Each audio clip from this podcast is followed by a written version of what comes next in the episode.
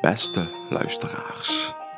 Deze week zou er een podcast online komen over ongesteldheid bij vrouwen in de topsport. Dit naar aanleiding van de goed presterende Jutta Leerdam in Canada.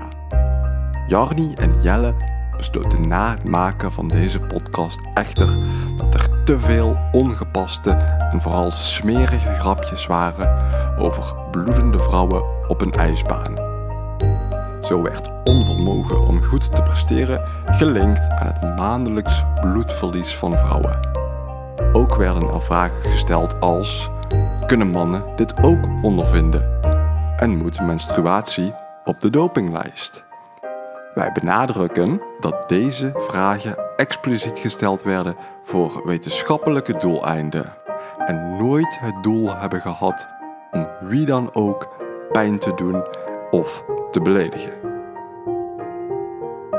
We waren dan ook van mening dat twee knappe en de heteroseksuele mannen hier geen goed oordeel over kunnen vellen. Ondanks de rode kleur, die natuurlijk goed bij kerst past, vonden wij dit dan ook geen kerstwaardige aflevering en bieden wij onze excuses aan. Volgende week zijn we weer terug. Tot dan en hele fijne feestdagen gewenst.